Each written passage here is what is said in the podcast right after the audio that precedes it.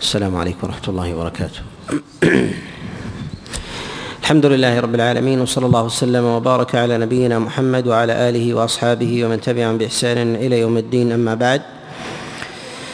ففي هذا المجلس في السابع عشر من شهر صفر من العام السادس والثلاثين بعد الأربعمائة والألف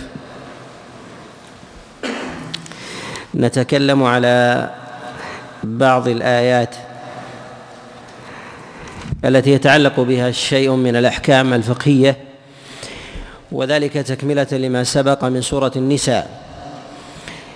ونتكلم في هذا اليوم على قول الله جل وعلا ومن يكسب إثما فإنما يكسبه على نفسه وكان الله عليما حكيما. ومن يكسب خطيئة أو إثما ثم يرمي به بريئا فقد احتمل بهتانا. وإثما مبينا. هذه الآية جاءت بعدما ذكر الله سبحانه وتعالى قصة ابن بيرق لما سرق ثم تبرأ من مسروقه وأحال الأمر إلى غيره متبرئا منه واتهم غيره. وهذه الآية فيها تهديد ووعيد لمن تبرأ مما نسب إليه فتقع التهمة والإثم على غيره. ومعلوم أن عدم إقرار الإنسان على نفسه بذنبه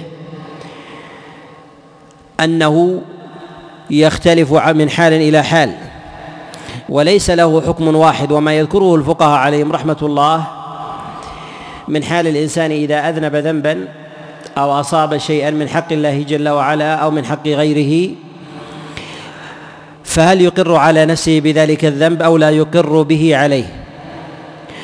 نقول إن الإقرار في ذلك يرجع فيه إلى نوع الذنب الذي وقع وقع فيه الإنسان. ونستطيع أن نجعل ذلك على نوعين. النوع الأول هو فيما لا بد من وقوع التهمة والعقوبة على أحد إما الجاني أو على غيره. فلا بد أن يصاب أحد بذنب. فنقول إنه يجب على الإنسان أن يقر بنفسه أن يقر بنفسه على نفسه بأنه ارتكب ذلك الذنب. وذلك حتى لا يصاب بالتهمة غيره فيؤخذ بجريرته. فإذا كان لا بد من المؤاخذة أو أن يصاب أحد وهو بريء وجب عليه أن يقر. وهذا وهذه الدلالة ظاهرة من هذه الآية. سواء رمى به بريئا بنفسه أو رمي البريء من غيره. وذلك أن أن ابن أبيرق جاء في بعض الروايات أنه رمى رمى غيره هو وفي رواية أن قومه رموا البريء. وقد ذكر غير واحد من العلماء أن هذه الآية تابعة لما سبق من قصة سرقة الدرع. والعلماء عليهم رحمة الله في من ذكر هذا الكلام لا يختلفون على أن على أن السارق هو ابن أبيرق. ولكن الذي اتهم وهو بريء قد اختلف فيه. والأشهر والأصح أن الذي اتهم وهو بريء أنه يهودي على ما تقدم الكلام عليه. وهذا هو الأشهر والأظهر في المرويات والأسانيد وكذلك ما جاء عن جماعة من المفسرين من السلف. فإنه صح ذلك عن قتادة وعكرمة ومجاهد بن جبر وعن السدي وغيرهم. وهذا وهذا هو الأشهر. من العلماء من يحكي الإجماع على أن المخاطب بهذه الآية إنما هو ابن أبيرق وقومه الذين برؤوه فوقع فوقعت التهمة على غيره. ولهذا نقول إن هذا النوع وهو النوع الأول إذا كان لابد من إنزال تهمة على أحد ولا بد أن يؤخذ أحد بالجريرة. إما صاحب الذنب أو غيره يجب على الإنسان أن يقر بذنبه.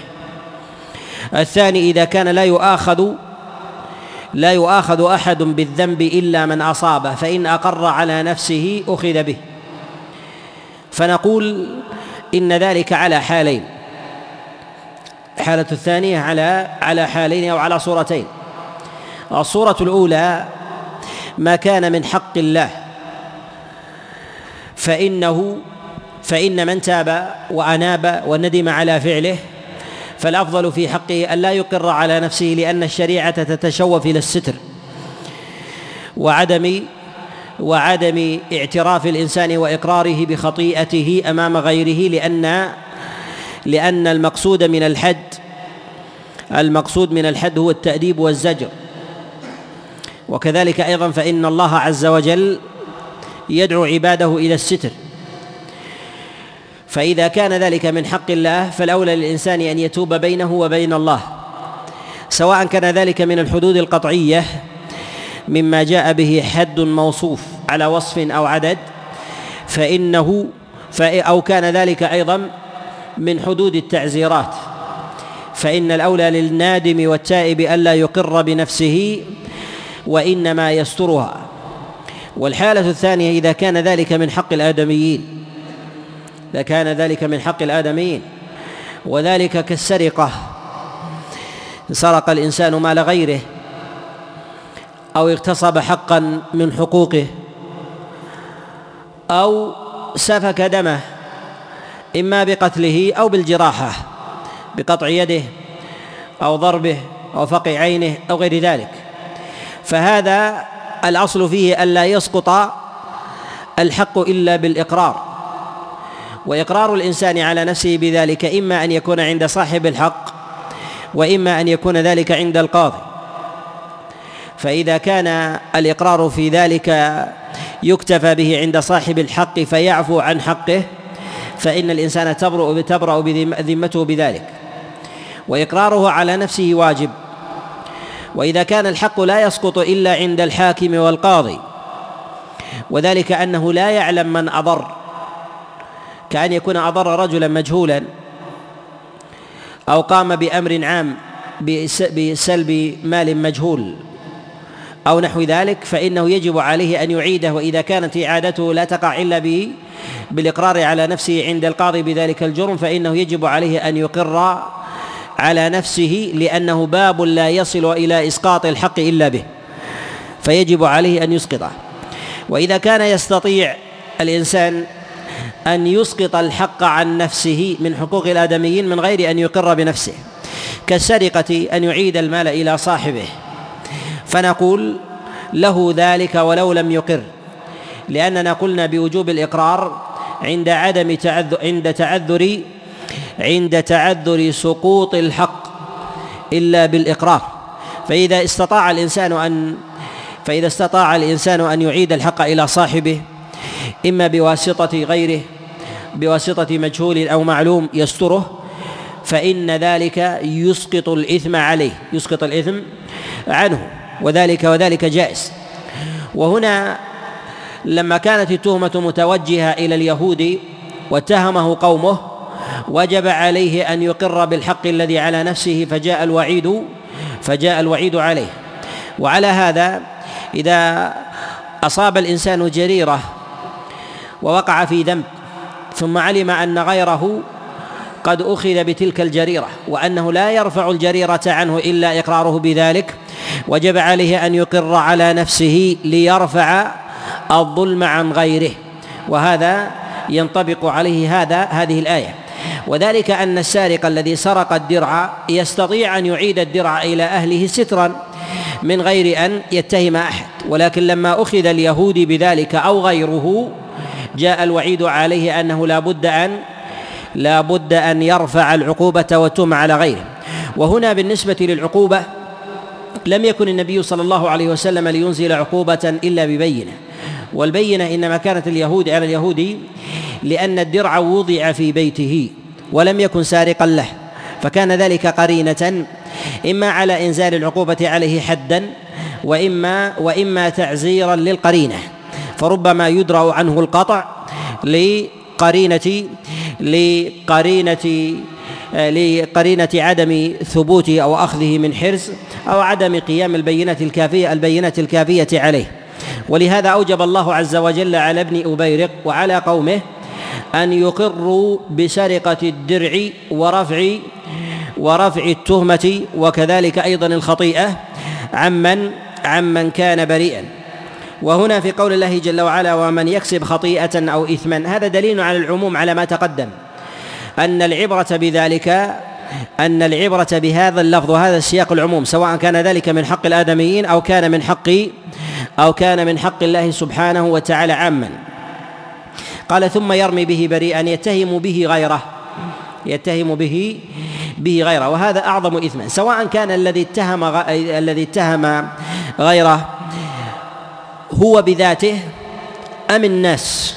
وذلك أنهم وجدوا القرينة تتجه إليه فاتهموه بقالة السوء فاتهموه بقالة السوء.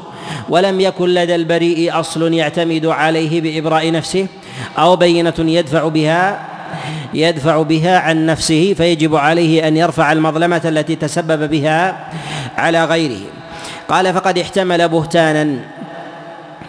يعني إما إذا كان هو الذي رمى غيره احتمله بنفسه. وإذا رمى غيره البريء هو الذي تسبب أيضا بحمل غيره. لذلك لذلك البهت. والبهتان هو الفرية والفرية والكذب. وبل يقال إن البهتان هو عظيم الكذب هو عظيم الكذب وشديده. وهنا فقد احتمل بهتانا يعني على نفسه ولم لو يتوجه باتهام البريء بنفسه. قال واثما مبينا يعني عند الله سبحانه وتعالى. وبهذا نعلم أيضا اشتراك الأمر فيما كان من حق الله وما كان وما كان من حق غير الله. ما كان من حق الله وما كان من حق غير غير الله سبحانه وتعالى. ثم جاء بعد ذلك ما يتعلق بهذه الآية مما لا أثر له في الأحكام ولكن ربما يتعلق بأثر الناس على الحاكم أو القاضي الذي يصل في الأمور المتنازعة بين الناس.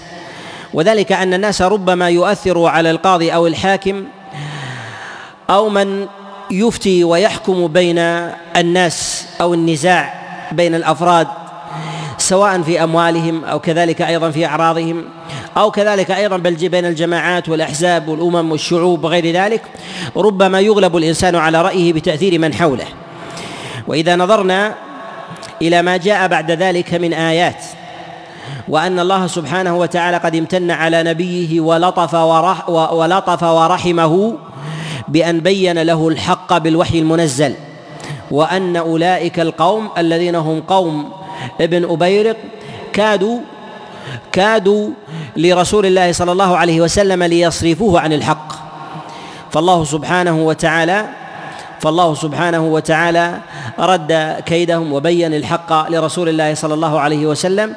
وهذا إذا كان السياق في رسول الله صلى الله عليه وسلم وهو المعصوم المؤيد بالوحي فإنه في غيره من باب من باب أولى من باب أولى من العلماء والمفتين والحكام وكذلك أيضا الدعاة والمصلحون ووجهاء الناس الذين يؤخذ قولهم وربما يؤثر الناس الناس عليهم إما بالجلبة أو الصخب أو رفع الأصوات أو نحو ذلك مما يتهيب الإنسان قول الحق معه فيجب للإنسان أن يتجرد فيجب الانسان أن يتجرد للحق ولهذا نقول إن هذه الآيات هي آيات ظاهرة في الدعوة إلى التجرد للحق.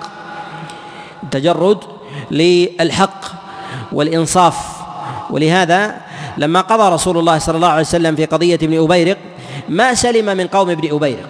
ما سلم من قومه لأنهم أو بعضهم أو ابن أبيرق في ذاته قد وضع الدرع عند غيره فما وجدوا بينة على فما وجدوا بينة على على ابن أبيرق فوقعوا في رسول الله صلى الله عليه وسلم. ثم بعد ذلك الآية الثانية في قول الله عز وجل لا خير في كثير من نجواهم إلا من أمر بصدقة أو معروف أو إصلاح بين الناس. هذه الآية أيضا جاءت في سياق تلك الواقعة وتلك النازلة. وهذه الواقعة والنازلة لما كانت قضية مالية يرتبط فيها حق الناس وربما يوقع فيها بالأعراض في معرفة السارق من غيره. فكان الناس يتهامسون في مجالسهم من السارق والى وإلى من تتوجه التهمة ومن البريء وقوم ابن أبيرق صادقون أم كاذبون ونحو ذلك. فيتناجى الناس ويتحدثون بذلك. فنهى الله سبحانه وتعالى عن ذلك بدلالة التضمين في نفي الخيرية عن النجوى. لا خير في كثير من نجواهم. يعني ما يتحدثون به من النوازل. ولهذا نقول إن مقام الناس في نجواهم في أمر النوازل ينبغي أن يفصل على صورتين. الصورة الأولى ما ما تقع التهمة فيه على الأعيان فيجب عليهم أن يمسكوا عن شيء من ذلك حتى يستبينوا. فإن الوقيعة في ذلك تنصرف إلى أفراد بعينهم فربما اتهم أحد بعينه أو طائفة أو قبيلة أو جماعة من بعينها فيقع الإنسان بإثمها. وذلك مما يقوله مما يقوله الناس. وأما الحالة والصورة الثانية ألا ينسب الحق إلى أحد فيتحدث في أمر عام وشأن عام لا يلحق لا تلحق اللائمة على أحد أو التهمة على أحد. ونحو ذلك مما يتحدث الناس في شأنهم في أمر أسعارهم وقوتهم وأمنهم وخوفهم مما لا يقع في ذلك فتنة واضطرابا عليهم فإن الأصل في ذلك الأصل في ذلك الجواز. وإنما نهى الله سبحانه وتعالى عن النجوى وبين أن أكثرها قد نفي عنه الخير. وهذا نظير نهي الله عز وجل عن الظن. اجتنبوا كثيرا من الظن إن بعض الظن إثم. وهنا كأنه نهى عن النجوى لأن كثيرا منها منتفي الخيرية. لا خير في كثير من نجواهم إلا من أمر بصدقة أو معروف أو إصلاح بين الناس. والعلة في النهي عن النجوى أن النفوس مجبولة على التوثق عند الإعلان والجهر. وعدم التوثق عند الإسرار وإطلاق وإطلاق اللسان للنفس عند حديثها مع غيرها مع الواحد والاثنين ونحو ذلك ربما يطلق الإنسان لنفسه يطلق الإنسان للسانه الحال بأن يتكلم من غير بينة. وأما لو تكلم وجهر لاستوثق واحتاط لقوله احتاط لقوله. فنهي عن النجوى لهذا الأمر. والأصل في المؤمن الصادق الصالح أنه في نجواه كجهره. لماذا؟ لأنه يستحضر الله. فإذا حضر الله في قلبه ما ضره نجواه عند واحد أو نجواه عند جماعة. وهذا نادر في الصالحين فكيف بغيرهم؟ وهذا نادر في الصالحين فكيف بغيرهم؟ لماذا؟ لقوة أثر المشاهدة. قوة أثر المشاهدة على على الناس. وذلك أنه إذا غاب عن جماعة تختلف حاله عند عند الفرد. وهذا فيه تنبيه للمؤمن أنه في حال انفراده بالنجوى. والنجوى تكون بالكلام الذي يسر به الإنسان للواحد والإثنين ويتحاشى قوله عند غيره. فيتنزل في القول ويتنزل في طلب البينات والحجج ونحو ذلك. فنهى الله عز وجل عن ذلك لأن النجوى تكون قالة بعد ذلك فتنتشر من واحد إلى اثنين ومن اثنين إلى ثلاثة حتى تكون قالة في الناس. ويجهل الناس مصدرها حتى تكون تهمة تهمة لبريء. حتى تكون تهمة لبريء. فنهى الله سبحانه وتعالى عن النجوى لهذه العلة حتى لا يتهم بريء بذلك. والمراد بذلك هي تهمة البريء سواء كان اليهودي مما وقع عليه النازل أو غيره مما يتحدث به مما يتحدث به الناس. وأمر الله عز وجل بالإمساك عن الحديث بمثل هذا مما يتعلق به تهمة لبريء حتى لا يشيع الأمر في الناس على خلاف الحق فيؤثر على حكم الحاكم. فيؤثر على حكم الحاكم سواء كان قاضيا أو مفتيا أو سلطانا أو نحو ذلك. فيتهيب أن يحكم بما لديه من بينات. وتجدون كثيرا من القضايا والنوازل يشيع عند الناس أمر ويتضح للقاضي خلاف ذلك. ويتضح للقاضي خلاف ذلك. وربما تهيب القاضي أن يقضي في أمر قد ظهرت بيناته إما بالمؤاخذة أو البراءة لأن الناس قد شاع عندهم على خلاف على خلاف هذا الأمر. ولهذا نهى الله سبحانه وتعالى عن النجوى بمثل هذا لأن الإنسان غالبا لا يسر بأمر يتعلق ب بأمر الحقوق سواء كان في الأموال أو الأعراض أو الدماء أو غير ذلك إلا وهو في ريبة وعدم وعدم استيثاق فلا بينة لذلك. لأن البينة إذا قامت ما تحاشى الإنسان أن يتحدث مع واحد أو اثنين. لأن البينة ظهرت فيتحدث أمام الناس. قد قامت البينة على على فلان بنحو كذا وكذا وتحدث عند الواحد كما يتحدث كما يتحدث عند الجماعة.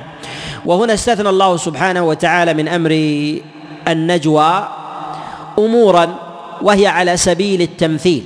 وهي على سبيل التمثيل. قال إلا من أمر بصدقة أو إصلاح أو معروف أو معروف أو إصلاح بين الناس.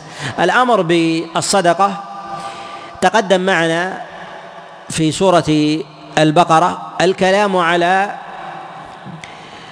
حكم الإسرار حكم الإسرار بالصدقة والجهر بها والتباين في ذلك. والقاعدة الشرعية الذي ينبغي أن تضبط أن الأصل في في الفرائض أن الجهر أفضل من الإسرار وأن الأصل في النوافل الإسرار أفضل من الجهر. وهذه قاعدة غالبة لا مضطردة. هي قاعدة غالبة لا لا مضطردة. فإذا أدى الإنسان الفريضة من الصلاة فإن فإن الجهر بها أولى. هذا هو الأصل. وكذلك أيضا الزكاة كذلك الصيام وغير ذلك من الفرائض. وأما ما كان من أمور التنفل فإن الشريعة تتشوف إلى إسرارها إلا ما استثناه الدليل من أمر الفرض وأمر النفل. والاستثناء في أمر النفل أكثر. والاستثناء من أمر النفل أن يكون جهرا أكثر من من أمر الفرض أن يكون سرا. أكثر من أمر الفرض أن يكون سرا وهذه قاعدة أغلبية لا مضطردة. قاعدة أغلبية لا مضطردة لأن الشريعة تتشوف إلى القيام بالواجبات والواجبات تحتاج إلى إيناس. تحتاج إلى إيناس وعملها جماعة آكد. ولهذا دعي إلى صلاة الجماعة مع الناس والأذان لها حتى يتداعى الناس إلى ذلك فيؤنس بعضهم بعضا. فتحفظ الشريعة بأدائها جماعة. ولو وكل الأمر إلى إصرارها لما كان حال الناس بالتوافد والتضافر عليها كما كانوا كما كانوا جماعة. لقصر بعضهم بالصلاة من جهة الإتيان بها من جهة أركانها وكذلك أيضا واجباتها وكذلك أيضا آه، سننها ما يتعلق بالخشوع ونحو ذلك. فهذا من الدوافع الفطرية من الدوافع الفطرية. كذلك أيضا تداعي الناس للفريضة. كرمضان وغيره من أركان الإسلام. فالله سبحانه وتعالى قد جعل رمضان في زمان واحد وخاطب به مكلفين على وصف واحد. وهذا الخطاب دليل على الاشتراك وجعل لدخول ذلك علامة يتداعى الناس عليها وربما تباركوا عليها ليبدأوا بتلك الشعيرة. مع أنه ربما صيام المتعبد للتنفل من جهة العدد أكثر من عدد أيام رمضان. فحث على الاصرار بالنافلة وحث على الجهر بالفريضة. وهذا في جميع أجناس العبادات سواء كانت البدنية أو كان ذلك أيضا ما كان من العبادات القولية. قال أو معروف أو إصلاح بين الناس. المعروف هل هو العام جميع ما عرفه الشارع وحث عليه أم المراد بذلك نوع من أنواعه. نقول يجوز في لغة العرب أن يعطف العام على الخاص وأن يعطف الخاص على العام وكلها جائزة.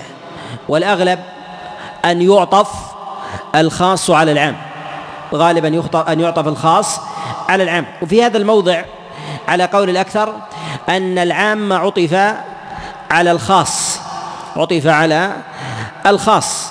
وقيل إن المراد بالمعروف في هذه الآية نعم. سيارة. شنو نوع السيارة شيخ؟ يا إخوة لا لا تغلقوا الطرق ولا الأبواب على الجيران. فعل الجيران حق. صاحب السيارة يزيلها من مكانها مشكورا. وهنا في قول الله سبحانه وتعالى أو معروف. المعروف قيل بعمومه وقيل بخصوصه. منهم من قال إن المراد بالمعروف هو القرض هو القرض هو أن يقرض الإنسان غيره أن يقرض الإنسان غيره. وهذا قد جاء عن مقاتل بن حيان وغيره. والأظهر العموم لأن القرض يحتاج إلى الإعلام بخلاف الصدقة. لماذا؟ لأن القرض ليس صدقة يطلب فيها الاستيثاق. فإن القرض يحتاج إلى كتابة ويحتاج أيضا إلى إشهاد. وهذا فيه نوع نوع إشهار. وهذا فيه نوع إشهار. فنقول الشريعة تشوفت إلى الإصرار بالصدقة لأن الإنسان لا يرجو عودتها وإنما يرجو ثوابها وأجرها. وأما بالنسبة للقرض فإنه يرجو عودتها ويوثق عودتها بالبينة وذلك إما بكتاب وإما وإما بشهادة وإما بهما جميعا إما بهما جميعا. ولهذا تشوفت الشريعة للإصرار بالصدقة والإظهار وحفظ المال بالقرض وكذلك أيضا ما في حكمه من المعاملات من البيوع والإجارة وغير ذلك من من أنواع العقود. قال أو إصلاح بين الناس. وذلك من أن ينمي الإنسان خيرا أن يسر الإنسان إلى أحد قولا. حسنا قال به فلان أو نحو ذلك. وهذا من الأنواع والأصناف التي رخص بالكذب فيها فذلك أن يكذب الإنسان للإصلاح بين الناس. فتقول ان فلان يودك ويقدرك وربما ذب عن عرضك ونحو ذلك تلطيفا للأمر بينهما. فإن هذا من أمور من الأمور المرخص بها شرعا. ما لم يتبع ذلك ما لم يتبع ذلك ضياع حق أن يضيع حق الإنسان بذلك الكذب. ولو كان ذلك يؤدي إلى شيء من إلى شيء من الإصلاح لأن حفظ الحقوق التي بين العباد أولى لأنها مبنية لأنها مبنية على المشاحة. قال ومن يفعل ذلك ابتغاء مرضات الله فسوف نؤتيه أجرا عظيما. يعني ما كان مما استثناه الله سبحانه وتعالى من أمر من أمر النجوى. ثم قال الله سبحانه وتعالى بعد ذلك ومن يشاقق الرسول من بعد ما تبين له الهدى. المشاقة هي مخالفة الأمر مع العداوة. وهذا السياق هو تابع أيضا للآيات السابقة التي تقدم الإشارة إليها وذلك في في سرقة ابن أبيرق للدرع. وذلك أن قومه خالفوا أمر رسول الله صلى الله عليه وسلم حينما قضى عليه. حينما قضى عليه بالسرقة وبرأ النبي صلى الله عليه وسلم اليهودي حينما اتهم وهو بريء. نازعوا رسول الله صلى الله عليه وسلم في ذلك. وهذا تهديد ووعيد لأمر المخالفة. وهذه الآية من الآيات التي استدل بها غير واحد من العلماء على حجية الإجماع. على حجية الإجماع. وذلك أن الله سبحانه وتعالى قد قرن سبيل المؤمنين بطاعة الرسول صلى الله عليه وسلم. ولهذا قال ويتبع غير سبيل المؤمنين. نوله ما تولى. وذلك أن سبيل المؤمنين هو طريق سيد المرسلين عليه الصلاة والسلام. فالمشاقة في ذلك هي المنازعة المخالفة مع المنازعة. وهذا بعد بيان الحجة. وهنا في قوله في قوله سبحانه وتعالى من بعد ما تبين له الهدى يعني ما ظهرت له الحجة. وهذه الآية دليل على عذر الجاهل بجهله. عذر الجاهل بجهله. إذا خالف أمر الله إذا خالف أمر الله وهو لا يعلم بأمره مما لا يدل عليه الا إلا الشرع. مما لا يدل عليه الا إلا الشرع. وتقدم معنا في بعض المواضع الإشارة إلى أن الدليل يثبت بالطبع ويثبت بالشرع وأن الدليل إذا ثبت مستقلا بالطبع فإن دلالة الطبع أقوى من دلالة الشرع. لا من جهة أصلها فأصلها واحد فالذي خلق الطبع هو الذي أنزل الشرع. ولكن من جهة من جهة إدراكها واستيعابها والإيمان بها. ولهذا نقول إن الله سبحانه وتعالى لما ذكر أمر المشاقة ونسبها إلى مشاقة رسول الله صلى الله عليه وسلم دل على أن المراد بذلك ما كان مخالفة لأمر الله فيما قضى الله به شرعا. وأما مخالفة أمر الله مما طبع الله الفطر عليه فهذا من جهة الأصل لا يتحقق به الجهل لا يتحقق به الجهل. وذلك أن الله خلق الإنسان عليه وطبعهم عليه. خلق الله عز وجل الناس على هذا وطبعهم عليه فهو موجود في أصل خلقتهم وهو موجود في أصل في أصل في أصل خلقتهم وهذا هل يتصور أن الإنسان يخالف في أمره؟ الأصل أنه لا يتصور. الأصل أنه لا لا يتصور ويأتي الإشارة والتفصيل والتفصيل في هذا. في قول الله سبحانه وتعالى بعد ما تبين له الهدى ويتبع غير سبيل المؤمنين نوله ما تولى. في هذه الآية في قوله جل وعلا نوله ما تولى إشارة إلى أن الأصل أن الأصل في مخالفة أمر رسول الله أنه يبدأ هوى ثم يعاقب الله به صاحبه فيجعله قناعة وعقيدة فيمسخه عن عن العناد. ولهذا أكثر المعاندين أو جل المعاندين حينما يخالفون أمر الله يبدأون بالمشاقة والمنازعة والمعاندة. ثم يعاقبهم الله فيجعلها عقيدة عقيدة لهم. وهذا وهذا مسخا وهذا مسخ للعقول وكذلك أيضا العقائد وجل ما كان من عمل الطوائف كان ابتداء عنادا. ثم تحول عقوبة من الله عقيدة. ولهذا في قول الله جل وعلا نوله ما تولى يعني نكله إلى ما تولى من هواه ونعاقبه بذلك حتى يكون حتى يكون إلهه. فيتحول ذلك إلى إلى كونه دينا. يتحول في ذلك إلى كونه دينا. وكل ملة انحرفت عن سبيل سيد المرسلين. وشاقة المؤمنين نبتة ذلك العناد ثم عاقبهم الله إلى أن اتخذوا ذلك اتخذوا ذلك دينا. نوله ما تولى ونصله جهنم وساءت وساءت مصيرا. وهنا في قول الله جل وعلا ويتبع غير سبيل المؤمنين المراد بذلك هم هم المؤمنون عموما وعلى رأسهم أصحاب رسول الله صلى الله عليه وسلم. فإذا ثبت الإجماع عن الصحابة حرم على الإنسان أن يخالفه. لأن الحق إذا جاء من غير طريق الصحابة لا يمكن أن يصل إلى إلى رسول الله صلى الله عليه وسلم. وإذا جاء عن عن طريق الصحابة فغالبه أو جله أنه إلى رسول الله صلى الله عليه وسلم. ما لم يكن ذلك من الخطأ الذي لا يسلم منه بشر.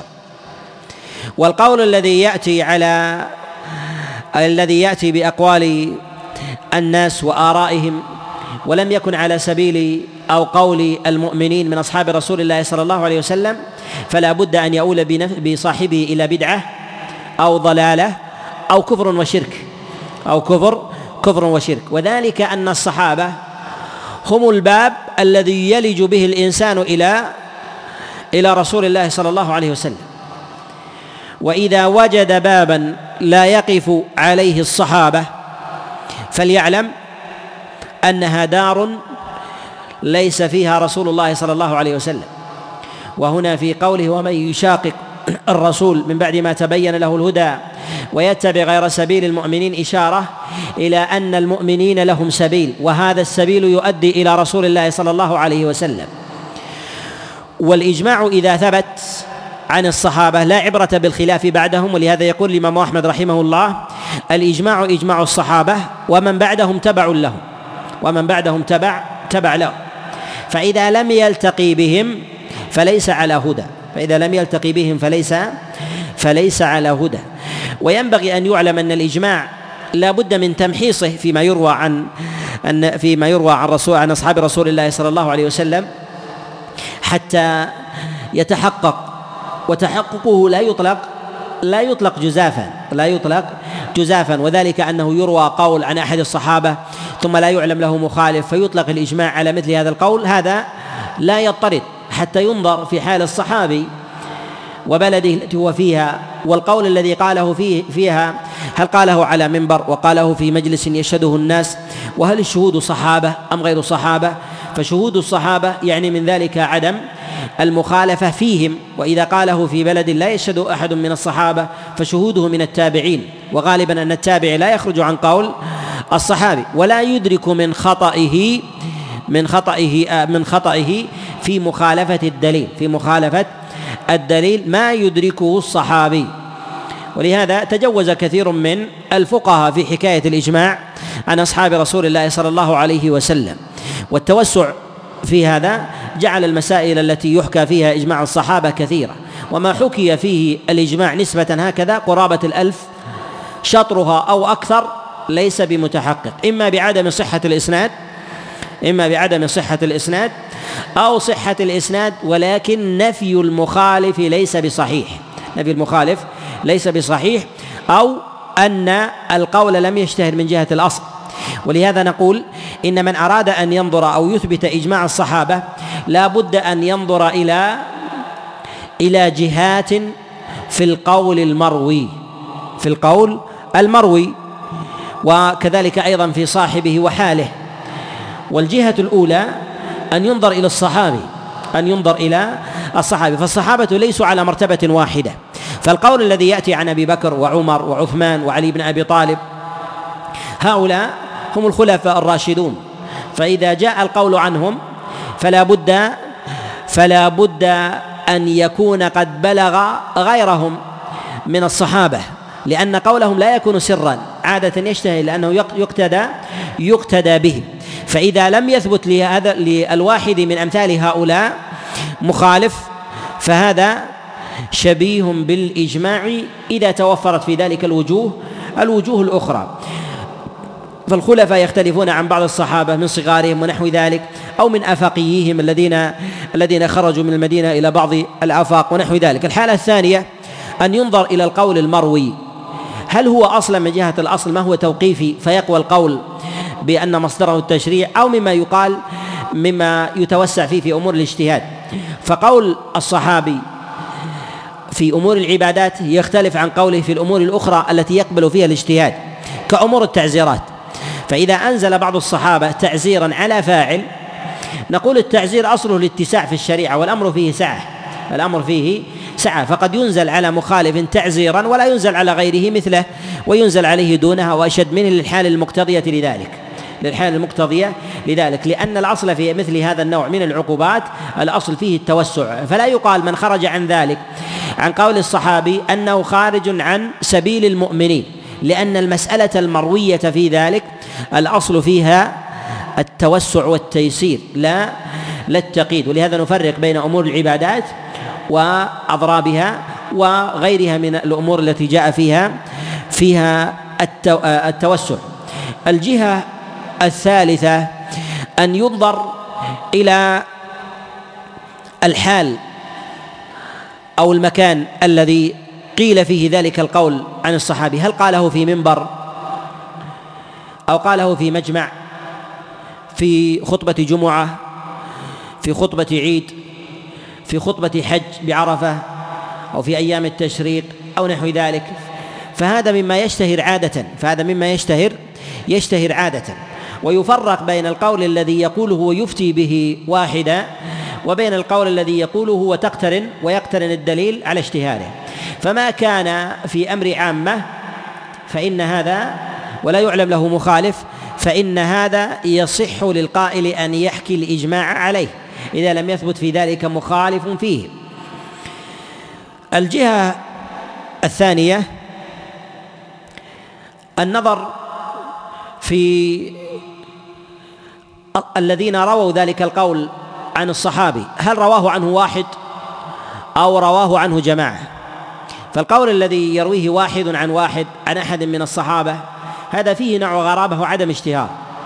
فإذا جاء القول عن عمر ورواه عنه جماعة ممن يروي عن عمر يختلف عن من يروي عنه واحد عن واحد فرواية الجماعة إشارة إلى أنه قاله قاله في مجمع لأنه قاله في في مجمع. فإذا قاله في مجمع ولم يعلم في ذلك مخالف فإنه أقرب إلى حكاية حكاية الإجماع. وما من أحد من أصحاب رسول الله صلى الله عليه وسلم إلا وله قول في مسألة من المسائل ربما يخالفه غيره وربما لا يخالفه. وعدم ورود المخالفة ربما يعود إلى عدم اشتهار القول وربما يعود إلى أن ذلك الصحابي متأخر فلا إمكان لمخالفته أصلا لانقراض جيل الصحابة لانقراض جيل الصحابة. فيفرق بين صحابي متقدم سابق وبين صحابي متأخر. فإن الصحابي إذا كان متأخرا وقال بقول من الأقوال ولا يعرف له مخالف نقول كم كان في زمنه من الصحابة؟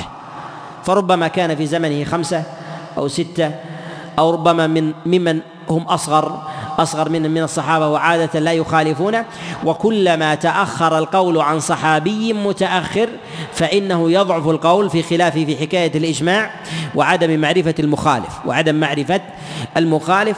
وهذا عكسه بعكسه كلما تقدم الصحابي وعلى منزلة وذلك كالسابقين من من المهاجرين والأنصار كالخلفاء الراشدين الأربعة وأضرابهم من كبار من كبار الصحابة عليهم رضوان الله وذلك كمعاذ بن جبل وعبد الله بن مسعود وغيرهم.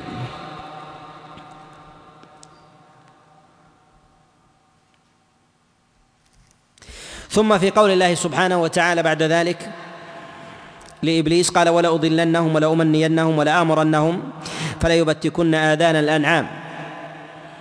هذه الآية جاءت بعدما ذكر الله سبحانه وتعالى الشيطان إبليس وكذلك أيضا بعدما ذمه الله عز وجل بذكر سبيله وطريقه وسبب المخالفة أن بداية الأمر ربما يبدأ بمسألة واحدة ثم يعظم الضلال في الإنسان حتى يتسع الضلال ويضيق أمر أمر الهدى عنده. ثم لما ذكر الله عز وجل توعد الشيطان لبني آدم قبل ذلك قال لأتخذن من عبادك نصيبا مفروضا. في هذه الآية إشارة إلى أن الشيطان لا يستطيع أن يضل العباد كما يريد وإنما له مقدار جعله الله له جعله الله له في أمر الإغواء والوسواس وهو النصيب المفروض الذي جعل لإبليس أن يضل العباد فيه أن يضل العباد فيه. فلا يضل العباد إلا بما جعله الله عز وجل له مما مما فرض له. وبهذا نعلم أن مما لا يقدر الشيطان على إضلال العباد فيه منه ما يتسع ومنه ما يضيق ومنه ما يعدم ومنه ما يعدم وجوده. ما يتسع في أمور اللمم في أمور اللمم يتسع دائرة الفرض فيها. ثم يكون دون ذلك ما يتعلق بالكبائر والموبقات وكذلك أيضا الكفر. ثم يضيق بعد ذلك شيئا فشيئا. ولهذا تجد أن أكثر ما يعصى الله سبحانه وتعالى به اللمم سواء كان عند من عرف الإيمان وآمن أو من عرفه ولم يؤمن أو جهله وبقي على جهله فاللمم لا يكاد يسلم منه لا يكاد يسلم منه يسلم منه أحد إلا من عصمه الله عز وجل. ثم بعد ذلك الكفر ثم بعد ذلك الموبقات الموبقات الكبائر ثم الكفر والشرك. وأضيق الدوائر هو ما ما دل عليه دليل الفطرة ما دل عليه دليل الفطرة. فلا يمكن للإنسان أن يضل العباد فيه إلا مكابرة وعنادا إلا مكابرة وعنادا. والإضلال إما أن يكون عنادا يعني مع العلم وإما أن يكون تلبيسا وإما أن يكون تلبيسا. يعني يظن أنه الحق وهو وهو الباطل ويظن أنه الخير وهو وهو الشر. يظن أنه الخير وهو وهو الشر. وهكذا. ومنه ما يكون عنادا لا يقدر عليه الشيطان إلا معانده. فيجحد الحق فيجحد الحق. وهذا النوع الذي يقوى الشيطان عليه معاندة لا يقوى عليه تلبيسا. هو دلالة الفطرة ودلاله الفطرة. ويوجده في الأمم لا طمسا لأصله ولكن ربما يوقعهم فيه افرادا أو في زمان دون غيره. وما دل عليه دلالة الفطرة هو إثبات وجود الخالق. هو إثبات وجود الخالق. إثبات وجود الخالق هذا ما يعدم إغواء الشيطان فيه إلا مكابرة وعنادا ولهذا لا أتصور أنه يوجد ملحد يلحد ويكون لديه شبهة قائمة في نفسه. شبهة قائمة في نفسه تدعوه إلى تيقن نفي وجود الخالق إلا مكابرا إلا مكابرا. الذي تكون لديه الحقيقة موجودة ولكن يقوم بطمسها. وقد يكون لديه شك لا يقين. قد يكون لديه شك لا يقين. فيجعل الشك يقينا ويجعل اليقين شكا لهواه. وذلك أنه يريد أن يبغي ويريد أن يظلم ويريد أن أن أن يقضي شهواته ووطره ويريد أن لا يقيد. وفي نفسه شك من الخالق فيطمس اليقين بالشك ويكابر ويجحد ويكابر و ويجحد. ولهذا نقول لا يتصور وجود ذلك إلا جحودا. لماذا لا يتصور؟ لأن إثبات وجود الخالق خلق الله عز وجل الإنسان عليه وفطره عليه. ولهذا نسب الله عز وجل دينه إليه وسماه خلقا سماه خلق. يعني كما خلق الدم واللحم والشحم فيك خلق الله سبحانه وتعالى الإيمان. كما تحس بالحر وتنفر منه وتحب الرائحة الطيبة وتتشوف إليها فطرة فالله عز وجل طبعك على الإيمان به طبعا. طبعك على الإيمان به طبعا. ولكن لا تستطيع أن تعبده وصفا إلا بالشريعة. وهي ما جاء به ما جاءت به ما جاء به الأنبياء. وما لم يكن لديه قبس من نبوة تاه في تعيين الخالق.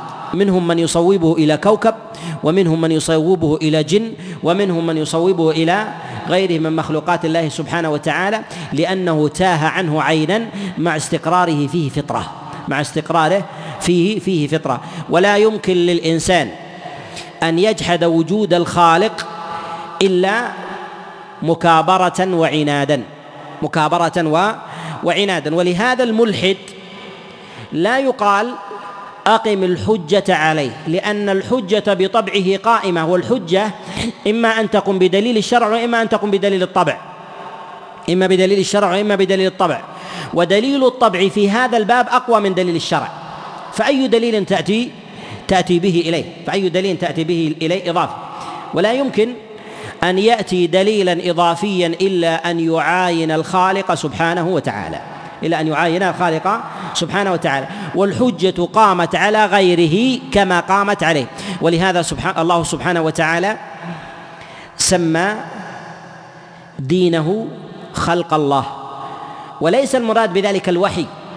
وليس المراد بذلك الوحي. وإنما المراد بذلك الدين الذي طبع عليه الإنسان. يقول الله عز وجل في سورة الروم فأقم وجهك للدين حنيفا فطرة الله التي فطر الناس عليها لا تبديل لخلق الله. سماه خلقا. وبداية الآية سماه دين. ثم سماه فطرة. ثم سماه خلقا. ثم سماه خلقا. ولهذا الذي يريد إثبات وجود الخالق وأنه مخلوق أعظم ممن يريد إثبات أن النار تحرق أن النار تحرق وأنه بطبعه ينفر منها.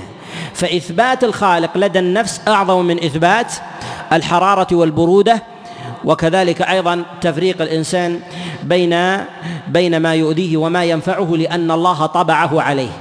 يأتي بعد ذلك أنواع العبادة. كيف يتعبد وما هي أنواع العبادة؟ جاءت حينئذ دلالة الشرع. جاءت حينئذ دلالة الشرع. أعبد الله بالصلاة هكذا الصفة وهكذا وهكذا وهكذا وتربطه فيها. متى يأتي عذر الإنسان؟ نقول ما دلت عليه دلالة الفطرة تضعف فيه دلالة الشرعة ولا يحتاج. ولهذا نقول إن ما دلت عليه دلالة الفطرة لا يعذر أحد بجهله لا يعذر أحد بجهله. لأنه بماذا تأتيه؟ وقد خلق على شيء وكابره. وأي دليل وبرهان أعظم مما فطر مما فطر عليه؟ ولو أتيت بالبينات بالبينات كلها بالبينات كلها. ولكن ما عدا ذلك من أمور التشريع ما عدا ذلك من أمور التشريع. من جهل الإنسان بالصلاة لا يمكن أن يتحقق إلا بالدليل والوحي. ويعلم وجود الخالق ويعلم أن هذا الخالق له صفات لازمة كالقوة والعلم والخلق الإحياء والإماتة وغير ذلك مما للخالق سبحانه وتعالى من صفات وأسماء. يعلمها ولكن من الصفات ما لا يعلمها. من الصفات ما لا يعلمها إلا إلا بدليل. ما يعلمها إلا بدليل. ولهذا نقول إن الأنبياء جاءوا بما يقوم في يقوم في الإنسان ويبنى عليه بدلالة الشرع. فيأتون تكميلا ولا يأتون تأسيسا. لا يأتون تأسيسا للفطرة إلا ما نذر. تأسيس الفطرة إلا إلا ما نذر. ولهذا أيضا مما يدل عليه مما خلق الله عز وجل الناس عليه وطبعهم عليه الستر والحياء والعفاف. لا يمكن لأحد أن يجحده لا يمكن لأحد أن يجحده إلا مكابرة إلا مكابرة. لماذا؟ يريد أن يأخذ نصيبه من الدنيا بلا قيد. يأخذ نصيبه من الدنيا إلى بلا قيد. ولكن إذا جاءت إلى محارمه هل يزنى بزوجك؟ امتنع. وغضب. لماذا؟ لأنه صح هنا داعي الفطرة وهناك طمسته الشهوة. غلبت عليه الشهوة فتحول إلى مكابر. فتحول إلى مكابر. والدليل الجهة الأخرى لأن القناعة لا يفرق الإنسان بينه وبين وبين غيره. كما ترى أن هذا حقا لك فهو حق لغيرك منك. فهو حق لغيرك منك. كما يكابر الإنسان في السرقة. يذهب ويسرق ونحو ذلك ولكنه لا يحب أن يسرق منه. ولكن أمر المكابرة في أمر السرقة أهون وأضعف منها ما يضعف ومنها ما يقوى. ولهذا لا يقوى الشيطان على تبديل الفطرة وإنما العمل على إخلالها في أفراد أو في أزمان أو في أماكن. كما كان كفار قريش يطوفون عند البيت عراة. ويسترهم إذا خرجوا لأنه ما استطاع أن يعريهم في غير هذا الموضع. ما استطاع يعريهم إلا في هذا في هذا الموضع وهكذا يبقى الأمر في في بين الشيطان. لا ينزع أصله ولكن يستطيع عليهم في فرد في حال ونحو ونحو ذلك. فنقول إنه ينبغي التفريق بين هذين الأصلين. ما يتعلق بالعذر بالجهل وكذلك أيضا آه، في مواضعه متى يعذر الإنسان في جهله وما لا يعذر والتفريق بين دلالة الشرع ودلالة الطبع ومتى يقوى الشيطان على دلالة الطبع متى يستطيع أن يغيرها ما لا يستطيع أن يغيره وهل هو من النصيب المفروض أو ليس من النصيب المفروض؟ هذا بيناه في كتاب نسأل الله عز وجل آه، أن يهيأ نشره في العذر بالجهل ومسائله. وفي قول الله سبحانه وتعالى ولا آمرنهم فلا يبتكن آمرنهم فلا يغيرن خلق الله. هنا ذكر قطع آذان الأنعام وكان عند أهل الجاهلية يتخذون ذلك دينا لأصنامهم وأوثانهم فينظر أحدهم إن سلمه الله من كارثة حرب أو نازلة مرض مرض عم في الناس كطاعون أو جذام أو غير ذلك. أن يقطع آذان أنعام على وصف معين يتعارفون عليها فلا تركب ولا تمنع من واد ولا من مأكل ولا من مشرب لأنها سائبة أو بحيرة للآلهة. فهؤلاء نذروا لأصنامهم أن يفعلوا ذلك. فكل من رآها في من الناس في طريقها فقالوا هذه بحيرة وسائبة لا تؤخذ لقطة ولا تركب ولا تمنع من عشب ولا من ولا من ورود ماء. فتكون محرمة للآلهة تسيح في الأرض. وإنما ذكر الله عز وجل تقطيع آذان الأنعام وجعله سبيلا للشيطان من هذا الوجه من هذا الوجه. والجاهليون العرب قد وقعوا في الشرك في هذا الفعل من وجوه. أولها أنهم نسبوا شفاء المرض الذي وقع فيهم أو السلامة التي حصلوا عليها لآلهتهم. فمجرد النسبة ولو لم ينظروا شرك وكفر لأنه لا يشفي ولا يعافي ولا يحمي إلا الله والعباد إنما هم أسباب. الثاني أنهم نذروا والنذر عبادة ولا يكون النذر إلا لله. الثالث أنهم اتخذوا قطع الآذان دينا ولو لم يكن دينا فتعبدوا بغير الدين لغير الله فكفروا بالله.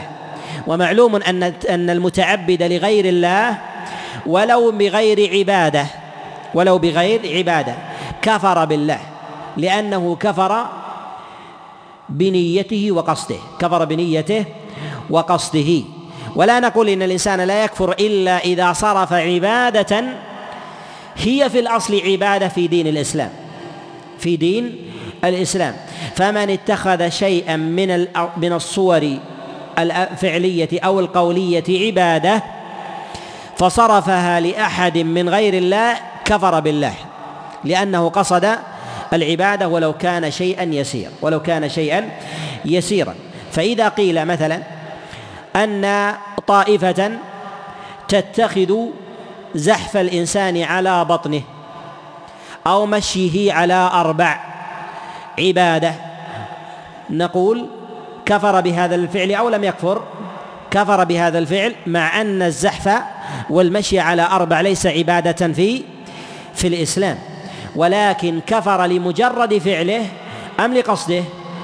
كفر لقصده. وكان فعله أمارة على ذلك وكان فعله أمارة على ذلك. كذلك أيضا في تقطيع الجاهليين للآذان نذروا أن يقطعوا آذان البهائم إذا عوفوا ولا ينذر إلا بفعل عبادة ولا ينذر إلا بفعل عبادة من صدقة أو عتاقة أو غير ذلك من أعمال البر. فجعلوا ذلك عبادة فصرفوها لغير الله فكفروا بالله سبحانه سبحانه وتعالى.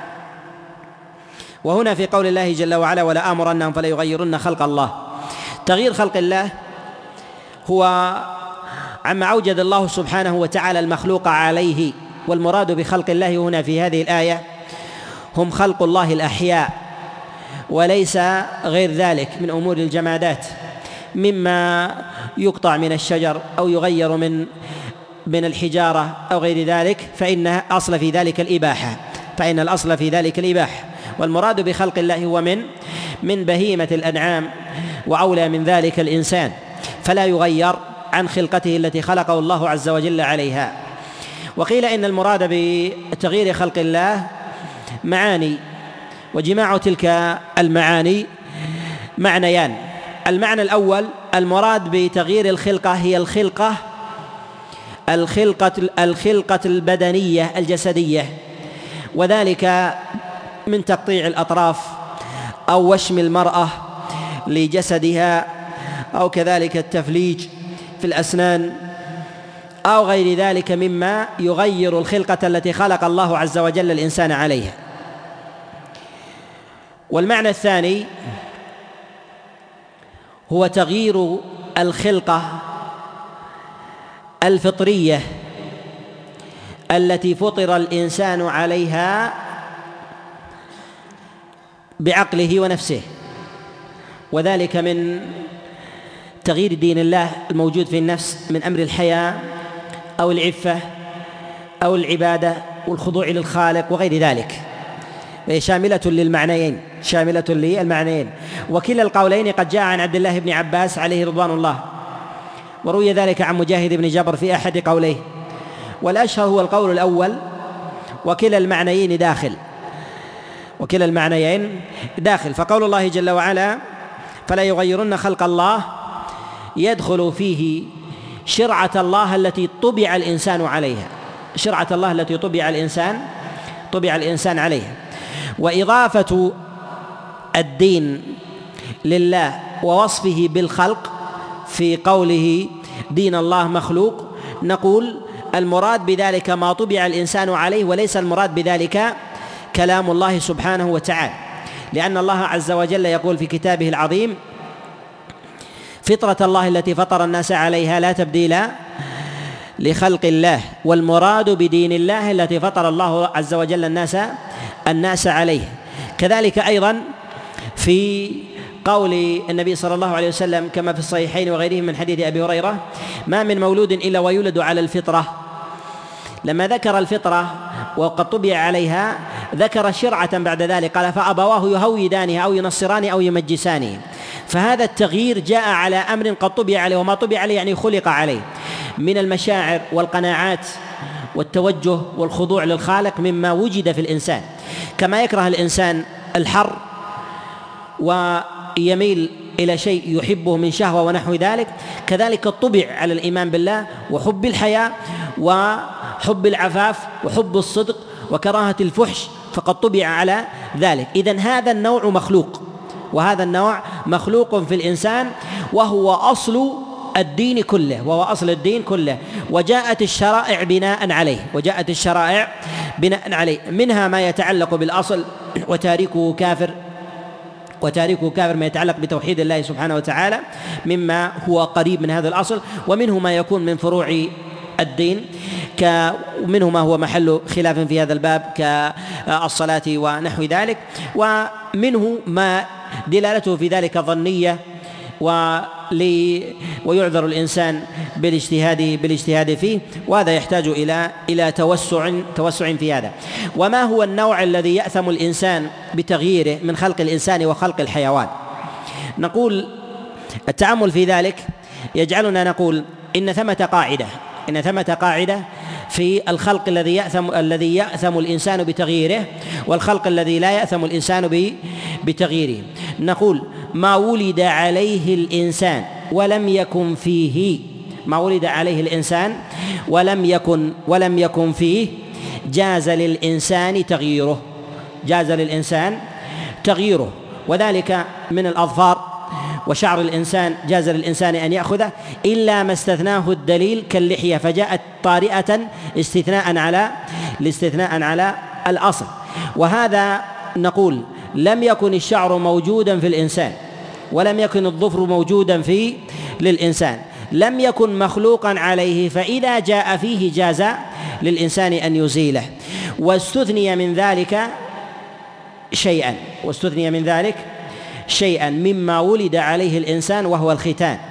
وهذا استثناء للقاعدة والاستثناء يدل على صحة القاعدة. والاستثناء يدل على صحة القاعدة لا على لا على نقضها.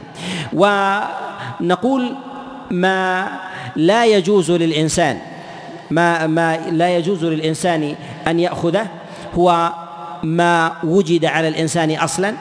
لا يجوز للإنسان أن ياخذه ولا أن يغيره كذلك أيضا في أمر الحيوان. ما ولد عليه ما ولد عليه. ما لم يولد عليه وذلك كصوفه ينشأ بعد ذلك ظفره قرنه ونحو ذلك فهذا أمر زائد منه. فيجوز للإنسان أن ياخذه وأن يغيره أن يأخذه و وأن يغيره. وما لم يوجد في الإنسان عند ولادته. إذا قلنا بجوازه نقول هذا الأصل ويطرأ على الأصل ما استثناه الدليل كاللحية بأن تبقى وهي طارئة لم تكن عند الولادة لم تكن عند الولادة. وهذا هو السر في قول النبي عليه الصلاة والسلام الفطرة خمس. الفطرة خمس. وجاء في حديث عائشة الفطرة عشر. نجد أنها في عدها إما تغير طرأ فيراد أن يعاد قص الأظفار حلق العانة نتف الإبط إرجاع إلى إرجاع إلى ما ولد عليه ما ولد عليه الإنسان. قص الشارب ذكر إعفاء اللحية استثناء ذكر إعفاء اللحية استثناء. استنشاق الماء يعيد الإنسان إلى أصله من الطهارة والنقاوة. جاء في بعض الروايات والسواك لأنه ولد طاهرا نظيفا وجاء وجاء نتنه أو قذارته بعد ذلك فيعاد إلى فطرته فكان على فكان على الفطرة. استنقاص الماء. يأتي بعض الروايات الاستنجاء. وغير ذلك كأنه يعاد الإنسان إلى ما كان عليه من مما أوجده الله سبحانه وتعالى وتعالى عليه. فجعل ذلك فطرة التي التي خلق الله عز وجل الناس عليها. فلا يغير عما كان عما كان عليه.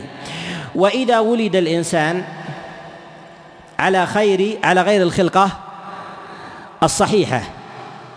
على غير الخلقة الصحيحة مما خلق الله عز وجل أن أصل الناس عليه. كالذي يولد أعمى ويولد أصم وأبكم أو يولد أبرص أو يولد أعرج.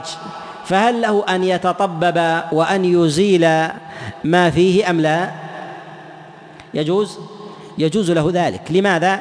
لأنه إعادة لها إلى خلقتها التي خلق الله عز وجل الإنسان عليه كما لو نزل به مرض فكسر أو عمي أو صم فيجوز فيجوز له أن يتطبب بذلك مع أن الذي أوجد ذلك هو الله. ويدل على هذا الثلاثة الأقرع والأبرص والأعمى في الصحيحين الذي كان يدعون الله عز وجل أن يزيل عنهم ما بهم. فسألوا الله عز وجل أن يزيل عنهم ما بهم ولا يسأل الله عز وجل إثما ثم يحمد أصحابه على شكر ذلك ذلك. فيدل هذا على أن من ولد على شيء من ولد على شيء يخالف ما فطر الناس عليه فإنه لا حرج عليه أن يداويه كما لو كان عارضا كما لو كان لو كان عارضا. وهنا أيضا في الناس في تغيير لون الشعر. تغيير لون الشعر.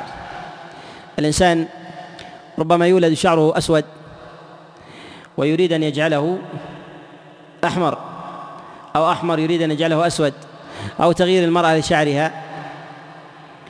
فهل ذلك من تغيير الفطرة أم لا؟ نعم. لماذا؟ نعم. نعم. نعم. أصل الشعر زائد. أصل الشعر زائد. يجوز إزالته أصلا. يجوز إزالته إزالة أصل فلو غيره جاز ما لم يكن ذلك شهرة. كالذي يضع له لونا أخضر أو أزرق أو نحو ذلك. فذلك مذموم. لأنه لأنه شهرة. ويستقبح فينهى فينهى عن ذلك. لأنه ينهى عن اللباس العارض شهرة فكيف بالدائم الغالب؟ فكيف بالدائم الغالب؟ ثم أيضا أن الشارع أجاز للإنسان أن يغير شعره إلى لون لم يولد عليه وهو أن يغير شعره بالحنة أو الكتم أو غير ذلك. أليس هذا تغيير عما كان عليه؟ تغيير عما كان عليه فيدل على جواز صبغ الشعر على لون لا يخرج عما عما عليه الناس عما عليه الناس مما أوجد الله عليه الناس إما بالألوان المعتادة ما لم يكن ذلك شذوذا ومخالفة. ثم في قول الله عز وجل وما يتخذ الشيطان وليا من دون الله فقد خسر خسرانا مبينا. إشارة إلى أن الشيطان يبدأ مع الإنسان تسويلا وعصيانا ثم يتحول ذلك ولاية ثم يتحول بعد ذلك ولاية واتخاذا ومروقا عن مراد الله سبحانه وتعالى وحكمه. نتوقف عند هذا الحد ونكمل في المجالس القادمة بإذن الله عز وجل. وبالله التوفيق وبه الإعانة والسداد وصلى الله وسلم وبارك على نبينا محمد.